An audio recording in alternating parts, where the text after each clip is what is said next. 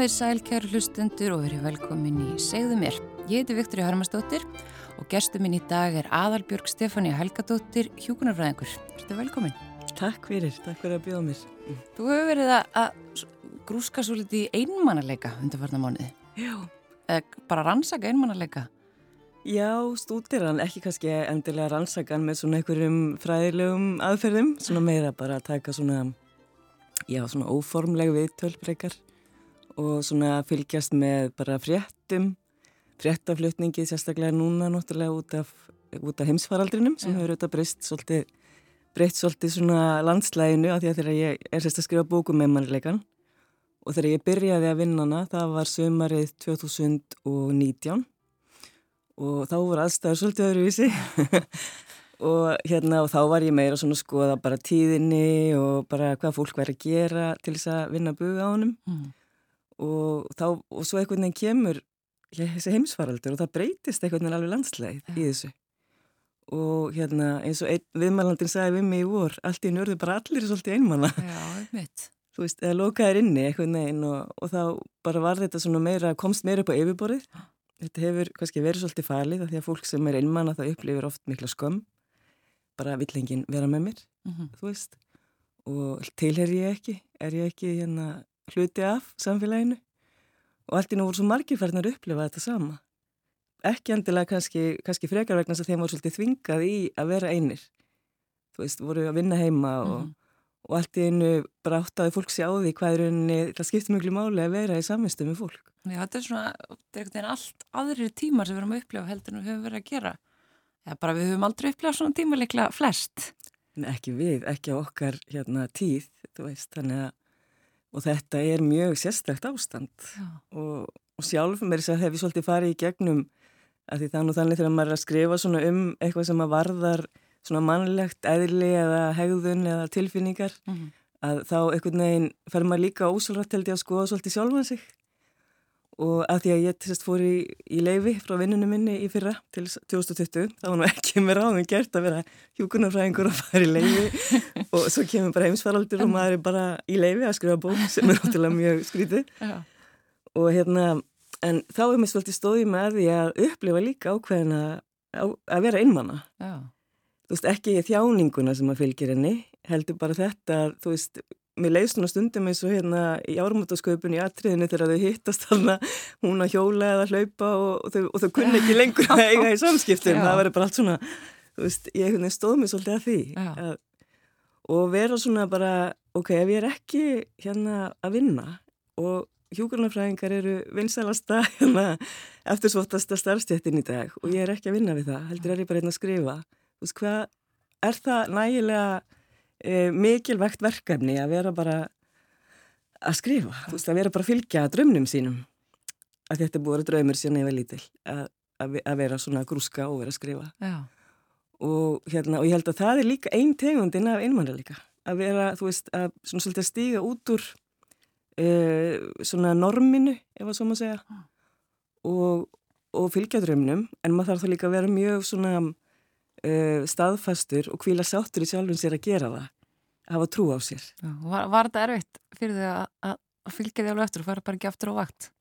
Já, það var erfitt og ég hérna svo þegar ég ákvæði í haust að fara ekki aftur að vinna heldur að halda bara áfram að, að hlúa þessum uh mhm. -huh. að þá, þá fekk ég, ég samanskupið þú veist, akkur, ég, veist, ég á bara að vera að vinna eins og aðrir og Þú veist, ég menna, ég fæ tekjur, ég fæ, hérna, ég fekk styrk til að skrifa þessu bók og veist, og ég er aðeins að kenna og svona, þannig að ég er ekki launalaus, en bara um leið og ég segi þetta, þá heyri ég að ég fyrir að réttlæta, skilur þau, að vera, hérna, að hlúa þessum draumi. Þetta er nú mjög algengt í nútíma samfélagi, við erum einhvern veginn meira að minna með samvinskupiti ef við erum ekki að gera akkurat hlutina sem við teljum að samfélagi vilja við séum að gera. Akkurat. Er þetta ekki verið svona meira, einhvern veginn, núna en áður? Jú, og ég, kannski erum við bara meðvitaður um það, mm. en ég held að við séum bara sem samfélag þá, þú veist, erum við líka bara alltaf að þróast og allt þannig, en við erum líka bara svo duglega í að, í að flokka fólk, skilur og þetta er einhvern veginn, sko, því nú er ég að fylgjast með börnunum mínir, þau eru honum fullarinn og ég er svona að hugsa bara um mitt líf svolítið tilbaka líka, mm. og svolítið að spekla það, og þá, sko, þú veist, það er, við einhvern veginn ætlumst til að fólk fari á hvena leið, skilur við það er bara, maður er barn og svo verður maður úlingur, svo verður maður fullorðinn og fyrir skóla og lærir og fyrir að vinna Já. og gerir það bara, jújú, jú, margir hérna taka upp beigju á meðri starfsæfinu og fara í eitthvað annað uh -huh. en það er yfirleitt við einhverju aðtegli, af því Já. það er ekki svona normið en svo spyrir maður sér líka hvað er norm, skiluru? Já. Er ekki mesta normið að bara líða vel? Já, það er líka eitthvað svo dásamlega að það sé hægt í dag að bara breyta alveg til Já. eins og þú ert að gera bara Já. allt í raun farin að skrifa bók Já, og mista eiginlega forréttindi Já En einmannalegi, mm -hmm. eru margir einmanna til dæmis á Íslandi? Já, það eru sko fleiri en maður gerir sig grein fyrir það eru svona um það byrj 21% svona cirka sko á hverjum tíma Já. ekki alltaf, skiluru það er ekki alltaf þessi 21% sem eru alltaf einmanna en á hverjum tíma eru einhverjir ríflega 20% sem að upplifa sig einmanna Og hvernig er við alltaf kannski vitum flest hvernig er að vera einmanna en svona, þú myndir lýsa þessum tilfinningum. Þetta er, þetta er þjáning. Þeir hafa hafa líst þessu þannig. Hmm. og, og þessi skömm um, það er svona sorg. Eftir einhverju, oft er þetta sorg yfir því að hafa kannski tekið eitthvað ákvarðanir sem hafa leitt viðkomandi þannig að hann upplifir sig einan einmanna mm. uh, og svo er það þessi sko þetta svona ákveði hjálparleysi líka. Einhvern veginn að vera sko þetta, það vill enginn vera með mér skilur, hvað get ég gert til þess? Og skiptir nokkru máli hvað ég geri. Mm. og þetta er svona eins og að vera bara finnast maður sjálfur ekki skipta hann einu máli. Þú veist að sé hérna uh, eins og maður sé ekki, ekki að maður sé betur komin þú veist það sé bara eins gott að vera bara einn. Mm. þú veist þetta er, þetta er sko þetta er rúslega djúb þjáning eiginlega. Veistu, fólk skil, hérna talar mikið um það. Mm. en sko á meðan að fólk getur ekki einhvern veginn fundi leið til að í rauninni horfast í auðvið sjálfa sig og vera sáttur við, eða sátt við sjálfa sig eins og maður er að þá viðhelst líka einmannleikin skiluru, af því að fólk upplifir sig, það vil ekki vera með mér. Nei. þá lítið ég að vera ómúleg Þannig að þá heldur fólk áfram að tala sér niður og segja ég er ómúl, ég ger aldrei neitt rétt og já, nei, ég er svo leiðileg, það er enginn á með mér, skilur við? Og þannig að í stað, og, og svo viðhelst þetta, þessi neikvæða orðræða í eigingarð sem að viðheldur einmannuleikanum og það, og upp úr honum getur sprottið svo þunglindi með sínum alvarlegustu byrtingamundum sem að við kannski erum að sjá meira af í dag heldur en ofta áður sem eru sjálfsvíðin sem eru þetta alvarlegasta byrtingamyndin. Mm. Þannig að sko, þannig getur einmannakendin í rauninni þróast í, í það að vera bara sko alvarleg andleg vanhilsa, má ég lega segja. Og hvernig er tekið svona, er þetta, fer þetta mjög lengt eða er þetta, er þetta eitthvað skilgreyndin í kerfinu eða hvernig, hvernig eiginlega ámaði við einmannanleika? Já, góð spurning. Ég held nefnilega að kerfi sé ekki beint að sko skilgreina þetta nema kannski það eru samt sko félagsamtökun svo Rauðikrossin mm. sem er að taka utanum þennan hóp eins og með símavinnum sem auðvitað stórfjölgaði núna, hefur stórfjölgaði heimsfaraldrinum Já. það sem hefur verið að ringi fólk, heimsóknarvinnum mm. líka og, og, og svona kannski það er kannski svona einu svona formlegu samtökin sem er eitthvað benta svona takast á við þetta Já en eins og heilbreyðskerfið per se, eða þú veist, það bara er ég meina því nú kem við þaðan mm. þar sem er mikið verið að horfa til eins og fjölskyldu hjúgrunir eitt sem er mikið búið að vera eitthvað núna hér á, á stofnunum hér á landi mm. þar sem að þegar skjólstæðingurinn kemur hann á stofnun þá er hort á hann ekki bara þennan skjólstæðing heldur fjölskylduna sem held og hérna en það kannski er, það kannski eina En, hvað er svo gert til að koma í veg fyrir að fólk sé innmanna, það er aftur á móti floknara. Mm -hmm. Af því að það er sko, við, við komum ekki, við sko öll eigum við eitthvað að, vonandi. Þú veist, við eigum fjölskyldu, við eigum fórildra, við eigum sískinni, eitthvað slikt. Og það er líka kannski mikilvægt að við gætum hvert að öðru í samfélaginu. Og, og það er svolítið það sem að ég er að svona, er auðvið þráðurinn í bókinni. Mm. Það er að við þurfum að láta okkur hvort annað varða þú veist, það er í rauninni þannig að hérna að takast á einmannleikan það er rauninni tvíþætt það er annars vegar að sá sem er einmanna sko fara að yfka meiri elsku í eigin garð. Já. Skilu, hugsi hlýlega til sín og hlúi að sér, fara í göngutúra mm -hmm. og, og, og þykja vænt um sig. Og svo það að okkur þykja vænt hverju mannar. Já. Að við sínum hvert öðru elsku. Hefur það ekki líka svolítið svona mingaði í því samfélagi sem við búum í dag því það er allir einhvern veginn svo fastir í sínu. Það er svona að maður, fólk er minna að huga að náðungunum eða, eða mm. pæla í nágrannunum eða hvernig sem það er? Jú, það er þannig sko.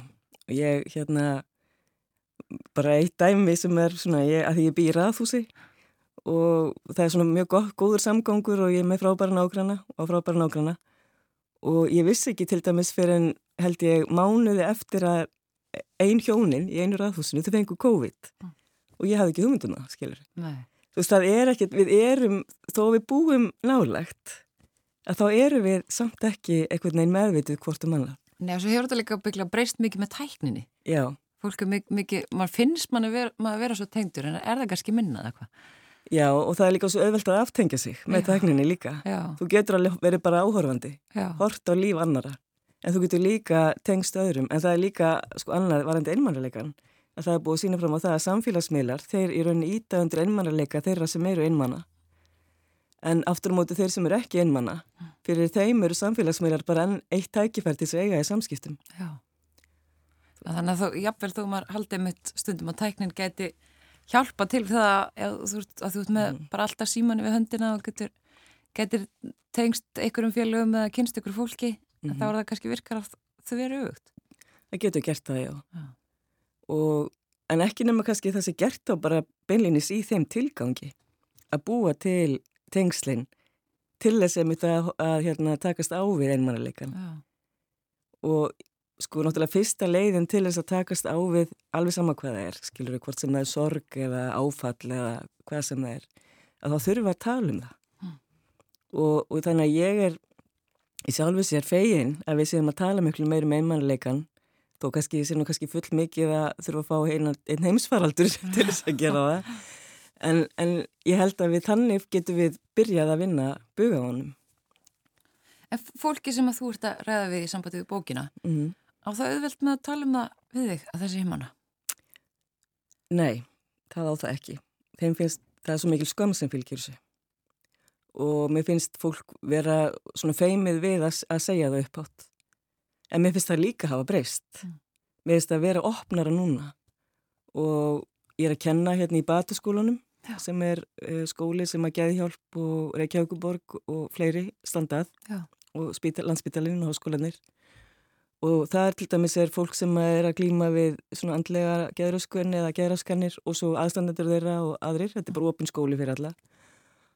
Og, og þar finn ég, það er fólki meira að tjá sig núna sjálf um það, hvernig þeim líður. Mm.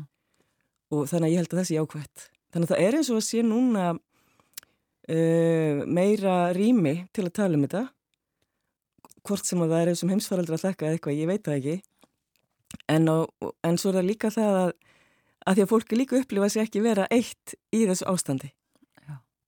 og ég held að samkendin skipta svo mjög máli í þessu. Þú veist, ég meina bara vera, upplifa sér ekki vera einan, eitthvað sem einmannleikin sem vera að segja þér frá ég til dæmis kynjaði ja. og ég held að hann, ég er búin að fara alveg í gegnum það, ég held að hann spretti svolítið úr því að ég upplifi mig vera eina að gera þetta. Og það, og, en mér veist að vera forréttindi, þannig að ekki miskila mig, ég er ekki að, en, en ég held þaðan kemur þessu einmannakjönd, að vera einn, einhvern veginn og vera ekki hluti af, þú veist, það sé engin annar að upplifa þetta sama. Já. En, upplifuru að eins og nú þú talar um að í heimsvældurum þá hafi séu fleiri einmanna mm.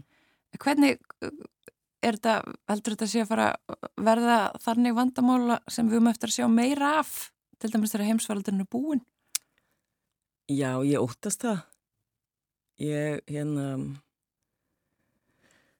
sko hérna í byrjun heimsfaraldusins í fyrstu bylgjunni og í síðasta sömar þá vorum við mjög meðvituð um þetta sem samfélag og vorum að passa upp á hvort annað og tala um þetta mikið og svona og svo er fyrst mér í upplega meiri reyði núna síðustu misseri eða síðustu vikur uh mhm. -huh. minn að svona óþól svolítið stuttur þráðurinn, við þurfum ekki annað en að bara fylgjast með fréttum núna í síðustu viku til að átt okkur á því. Um, og er, þá er ekki mikið rými fyrir samkend þegar við erum orðin reið og, og ég er svo hættum að sko eftir að faraldrinu líkur þá að þið verum, það er svo í mannlega eðli að þegar við erum búin að komast yfir alvegleikana og við erum svo fegin því að þá heldum við bara áfram og horfum bara fram á veginn. Mm -hmm.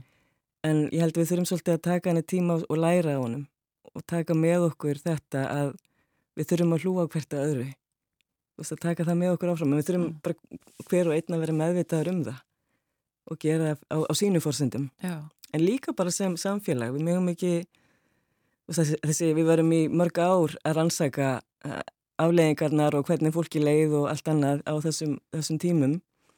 En við verum líka að taka utanum þetta fólk sem að hefur kannski upplifað sig ekki alveg eins eitt að það voru fleiri sem voru einmanna svo líkur heimsfaraldrinum og allt verður eins og það var samt verður held ég ekki eins og það var mm. en, og þá verður þeir aftur bara einir mm. þannig að Já. Hvernig kom það til að þú fúst að garfi þessu, fúst að rannsaka innmannalega?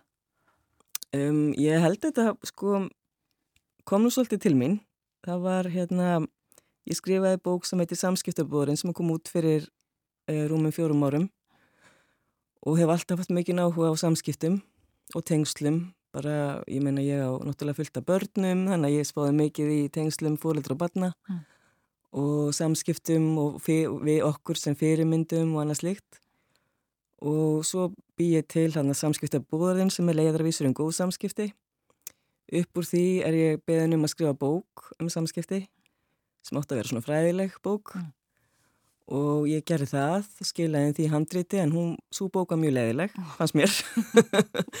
Og hérna var svona, já mjög fræðileg og var einhvern veginn vantæði svolítið allt bara, já. Já, þannig að það endaðilega þannig með, ég var með frábæra reitstjóra sem heiti Guðrún. Og, og í okkar svona vinnu að þá varð hún mjög persónleg, okay. þannig að ég er unni bara að tala um sko mín samskipt frá því að ég var lítill.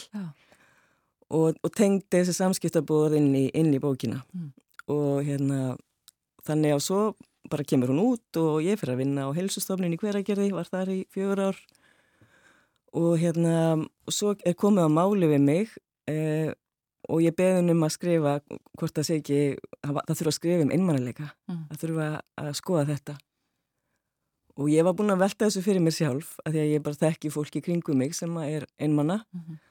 og mér fannst þetta að vera, þú veist að því nú er ég búin að skrifa um samskipti en ef það samskipti er ekki, hvað ja. þá? Og þannig er að byrja þetta. En hún er búin að vera mjög lengi einhvern veginn að fæðast. Ég var um að hugsa þetta í gær þegar ég var undirbúin með aðeins fyrir þetta vitt og hugsaði að ég bara eh, hvernig ámar að tala um einmaralega þannig að fólk vilja lesum hann? Ja. veist, og þá hugsaði ég að ég var að tala um hvað maður gerir til þess að hérna, koma í vekk fyrir hann. Þannig að það er svona rauði þráðurinn það er svona jákvæðni. Mm -hmm. þú veist það er En fyrir þá sem e, eru einmanna og eru kannski fastir á þeim stað, finnst það mm. auðvitað að koma sér af þeim stað, mm -hmm. sem mhm. kannski er vera núna en áður, mm -hmm. en það sé nú kannski fyrir endan á því, -hmm. næstu mánuð með þessu. En fyrir þetta fólk, hvað ertu með ykkur áð? Hvað getur gert? Sko það er auðvelt fyrir mig að sýta hérna og segja fólki hvað á að gera, en, en það er, kannski það sem er erfiðast er að, er að byrja að það er að fara til dæmis, fara bara í göngutúr mm -hmm. á hverjum degi, byrja þannig að gera eitthvað fyrir sig uh, og taka upp tólið og ringja í eitthvað sem að þú þekkir. Það getur nú verið alltaf stórt skref ef maður er, er búin að einangra sig. Það er, bara, það er mjög stórt skref og það er eiginlega bara mjög erfitt. Sumir náttúrulega líka eru komnir á þann stað að það verður bara ákveðið þægilegt að vera, vera bara einn. Mm -hmm. um, Þannig að ég myndi á, svona segja við viðkomandi að byrja á því að gera eitthvað fyrir sig. Já. Af því að þannig sko eflist svona hérna, trúin á sjálfan sig til þess að geta ef við tekið svo næsta skref sem er að, að, að svona rétt út hendina og kalla eftir samskiptunum, mm -hmm. tengslunum. Upplifir fólk sem er einmann að upplifa það að, að það vilja enginn vera með þeim? Já. Og það sé ekki hlutið þá af? Já, Já. það sé bara svo leiðileg. Og það er nú bara yfirlt villisa? Já, það er yfirlt vittlisa og það er vittlisa, þú veist. En hérna þannig að það er, einhvern veginn þarf að vinda ofan að því og það þarf maður að gera með því þá að horfa inn á við. Já. og hérna ég fór einn svona síningu í, í Danmörku alveg frábæra listasýningu þar sem var list, höfundurinn var sérst búin að búa til mjög magnaða hérna, innsetningu í, í hérna gömlu svona ykkur byrgi sem að gemdi vasttankana í Kaupmannöfn ja. Og þetta var ungum aður sem hafi upplifað mikið, eh, börnátt, bara ungur uh mhm. -huh. og, og var bara, gæti ekki unni neitt gæti ekkert skapað, það var bara allt farið þannig að hans leið út úr því sem að hann og síningin heitir síðan, er inn er eina leiðin út. Já. Þannig að hann horfið inn á við, hann fór að yfka jóka, uh, hugleðslu og, og fór að reyfa sig og þannig komst hann út úr þessari vanliðan Já. Og síningin í fjallar um það. Mjög flott síning mm. og ég held að þessi sama með einmannakendina og eiginlega alla svona vanliðan þar sem við upplifum svona mikið hjálparleysi að það er að horfa inn á við, en það er óttar svo erfitt og horfa stjögu sjálfa sig. Það er stórt skref. Mm -hmm. En svo, svo upplifum maður náttúrulega líka einhvern veginn í, í, að í dag er svo mikið svona, fólk er svo mikið að horfa á að vera besta útgáfana sjálfum sér og, mm -hmm. Og mm -hmm. skara fram úr og við erum að sjá ótrúlega marga að fara í kulnun mhm. og einhvern veginn svona pressa samfélagsins sé og mikil mhm. að það er kannski einhver hluti þarna sem að er að valda því að fleiri eru einmann að þú veist, það er ekki Það er allir að horfa svo mikið á sig en já. ekki á heildina, ekki á samfélagi sem heild. Akkurat, svo þessi samanbyrður. Já. Bara já, ég, þau eru nú að gera svo frábæra hluti og ég er bara hér eitthvað og já. Já, ég held að það sé stóri, það er mjög stór þáttur í þessu líka. Við hefum öll að vera upp á fjöllum og vera að gera, þú veist, bara á fjallaskýði og gönguskýði núna allir í því og já. þú veist, en of alltaf að þetta vera eitthvað að hámarka eigin hérna ég veit það ekki, eigin hag þú veist, það er, það er, það er aldrei, og hvað er þá limit, eða hvað er takmarkið mm -hmm. og ég held að það sé bara gott líka að hugsa hvernig líður manni best og hvar og með hverjum mm. og ég, þegar ég var, sko, ég get sagt í reitt hérna fyrsta, fyrsti kaplinn í bókinni mm. að þá fór ég einmitt svolítið þar og ég hugsaði hvar líður mér best og hvar er ég örugust mm og hérna þá skrifaði ég og, og það er sérst í rauninni byrjunin á bókinni þar skrifaði ég hvar mér liði best og það var, kom bara til mín í rauninni í, í svona, ég fór í stunda núvitund mm. Þetta kom til mín í svona núvitundar hugleislu og það í rauninni er þegar ég sérst eh, ligg upp í rúmi með manninu mínum og með höfuðið í, við hálsakotið á honum og bara þar. Þú veist, ég þarf ekki að fara upp á fjöll eða, þú veist, mér finnst indislegt að vera í náttúrunni, en þarna er ég örugust ja. og við þurfum kannski svolítið öll að finna þennan stað, hvar okkur hvar við erum svona örugust og í svona ákveðinu skjóli Já, þarf ekki alltaf að vera eitthvað eitthva stórkostlegt, stórkostlegt eða mikið um að vera Nei. Nei. En þetta, eins og talar um aðan einmannarleiki og, og samskipti mm -hmm. þetta er mjög ólíkt, mm -hmm. samt kannski og marganátt líkt. Já. Hva, hvernig fórst það að pæli samskiptum? Uh, ég held að reyndar að það er sér ótt að reykja bara uh, þegar ég var sérst ung eða var barn að þá upplifði ég miklu útlokun. Ég er alveg upp út á landi Já. og alveg frá því að ég var bara í all, alla mína grunnskólagöngu sem var svo til þess að ég fór í rauninni flutti. Bara saman dag ég kláraði grunnskólan þá fór ég í flugvél og kom inga til Reykjavíkur. Hvernig útlökun? Hvað einelti eða? Já, einelti og bara svona að ég, að ég væri aldrei nógu góð, það var alltaf að vera að benda og það var svona, já svona í messar, ég skrifaði mitt um þetta í bókinum samskiptabúvarðin, mhm. -huh. já svona minningar og að það blóft tannig með okkur manneskjötnar að við reynum að gleima því sem er okkur erfiðast og það er líka bara einn leið til að komast í gegnum það mhm. -huh.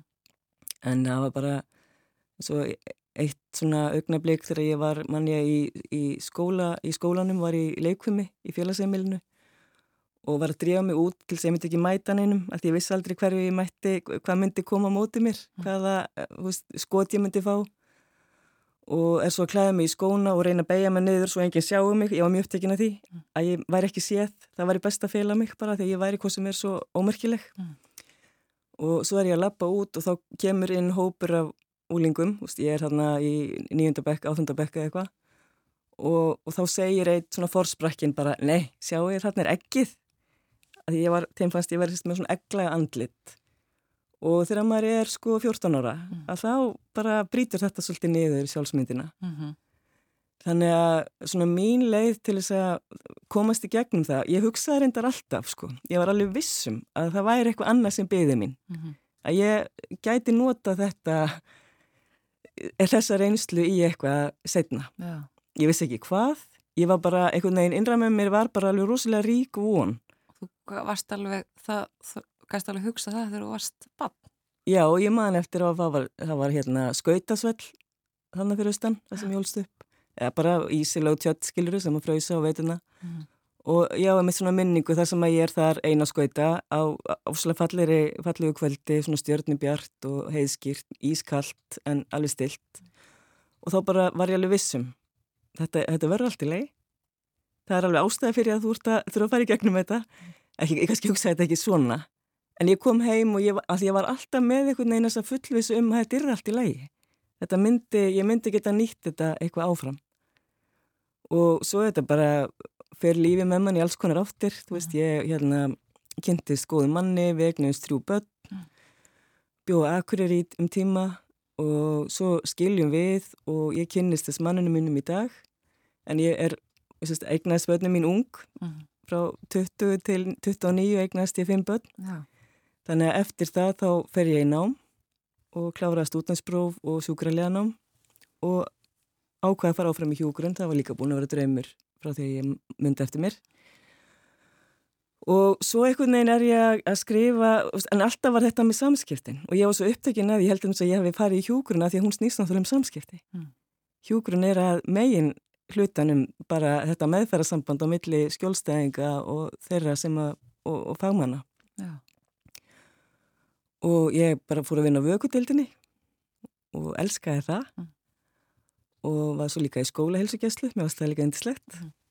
og þar er mitt var ég, og svo þegar ég, þegar ég var í hjúkurunáminu þá bjóð ég sérst til samskiptabúðurinn en að því að þetta var alltaf og ég, neginn, ég held að núna er ég svolítið komin og þetta var það sem átti fyrir mér að liggja það var að, að deila þessu, veist, það er samskipti skipta svo miklu máli mm þau hafa bara allt að segja um hvernig fólki farnast.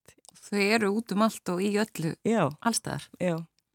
En sko, þannig að þú nýtið þér þessa, þessa ræðilegu reynslu úr æsku mm í mhm. rauninni setna mér. Já.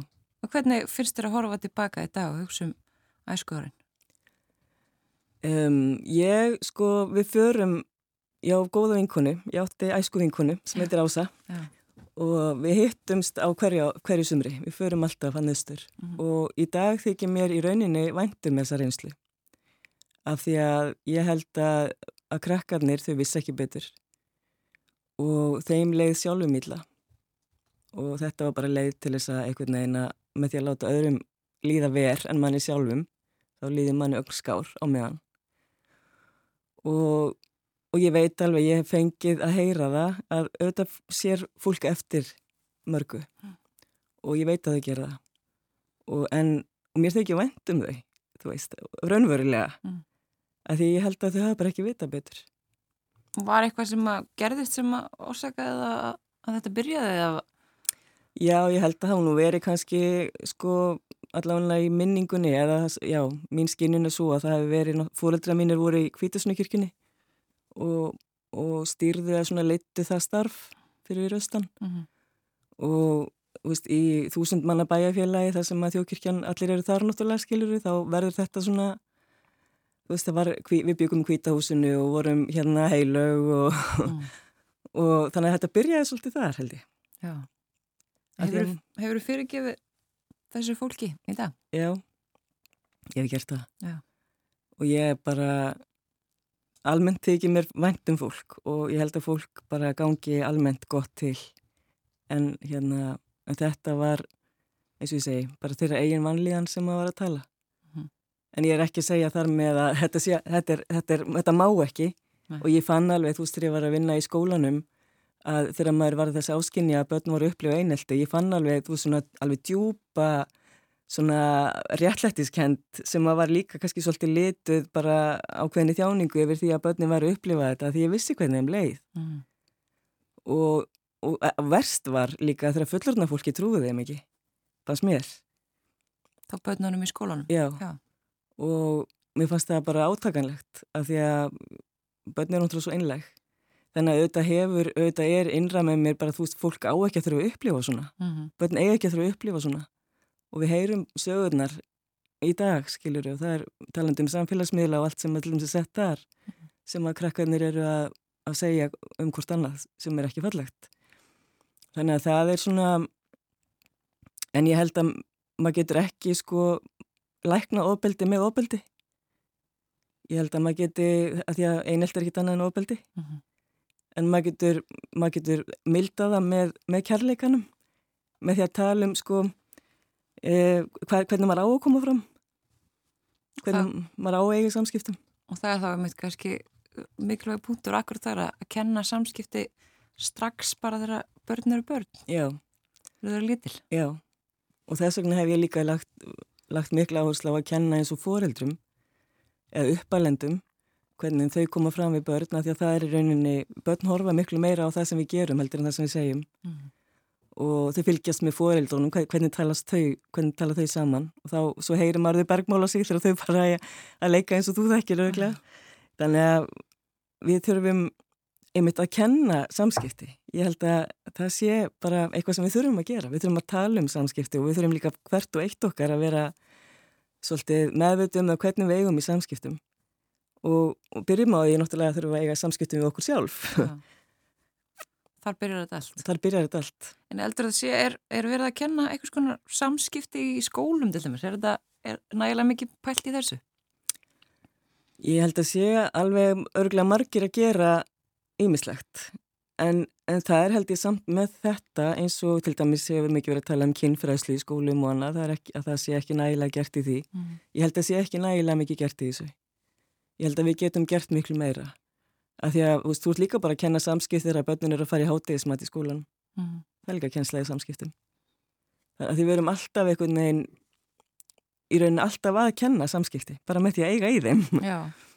Og það er bara svo dásamlegt að geta verið eins og einn í skóla þar sem að þú veist börnin eru að alast upp og þau upplifa þar notaleg og, og hlý og umhegjur í tengsl og samskipti við fullorðna fólki sem er þar, það fylgir þeim alveg út lífið.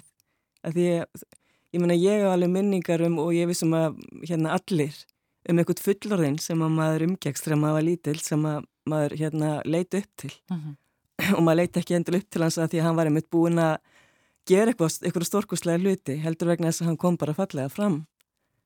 Þannig að það er og sjálf, ég held held að mis ástæðan fyrir ég fór að læra hjúgrun var að það var hjúgrunafræðingur þarna sem jólst upp sem heitir, sem að hétt Atta, hún reyndar dó fyrir aldur fram. Og hún var bara algjör perla. Ja. og einhvern veginn bara í einhvern veginn í nærverunni bara hvernig hún var svona þegar maður var að tala við hana. Og það einhvern veginn satt í mér og ég hugsa ég ætla að vera, ætla að vera svona eins og Atta eins og Atta, já. svo er ég kvöldu Atta svo erstu kvöldu Atta líka, já, já. þetta hefur verið eitthvað svona sem þú hefur getað leita til. Já, já. hvernig, eh, núna ertu að já, hvað ert að leggja lokahönda á þessu bóka er, er þetta kannski bara svona endalust það er ekki takt að hætta? Það er búið að vera svolítið þannig að það hefur eiginlega ekki verið hægt að hætta. Og ég hef eiginlega svolítið verið að hugsa núna, er að vinna í því núna að reyna svona að hérna, já, nýta alla lausu endana. Já Þannig að ég að ég geti, já, mitt markmið er að skilin handriturinn núna bara fyrir páska. Já. En hvað, svo, svo náttúrulega er alveg eftir, sko, eftirmálatnir af mm -hmm. heimsvaldurinnum og, og hvað kemur ljós þar? Já. Hvort að fólk verður meira einmann eða, eða minna? Já, ég held að það sé eitthvað sem er bara ómögulegt að segja til um. Mm. Og ég menna við munum öll hvernig þetta var held að með sérn í hruninu, við munum það nú. Mm. og þá er mitt fóru við svolítið aftur heim og fórum svona að passa upp á fjölskyldun okkar betur, við konur prjónuði hér í gríðverk og það er að gerast núna. Já, allar taka slátur á þeim tíma það ekki? Jú, allar taka ymitt og, og kannski verður þetta líka þannig eftir heimsvaraldurinn, það getur alveg verið sko. Já, kannski þegar bara þetta fólki saman. Já. Að því að fleiri skilja þetta, þessa tilfinningar. Já, og við erum kannski meira líka svona að bara passa upp á fjölskyldun okkar, okkar svona nær umhverfi og og hérna ég líka minn, minni mig líka alltaf reglulega á það þú veist þegar hérna það er náttúrulega vil breyta heiminum með góða samskiptum en maður verður að byrja á sínum eigin garði veist, maður þarf að byrja á því að, að hlúa því sem er manni næst. Og, og ég finn það alveg núna í þessum heimsfaraldri að þá náttúrulega hefur fjölskyldan mín sem er náttúrulega svolítið stór en hún hefur þjappast saman og við hefum svona heist reglulega og svona mm. því að nú er suma börnunum mínu flutta heimann og, og, og maður finnur alveg hvað það gefur mér líka mikið. Því þetta eru þetta mikilvægasta verkefnið. Það er að, hérna, að koma börnunum síni til manns og, og að taka stolt utanum þau. Þannig að við getum öll allavega að byrja hjá okkur sjálf Já, það er líkilatrið Aðalbjörg Stefania Helgadóttir kæra þakki fyrir komuna í segðu mér. Takk fyrir mig og gangið vel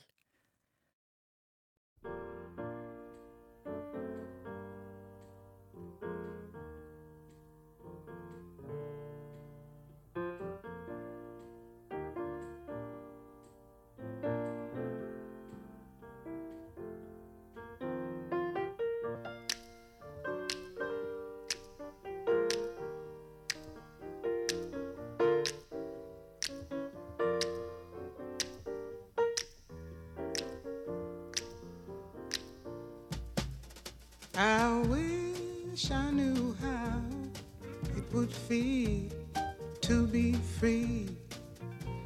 I wish I could break all the chains holding me.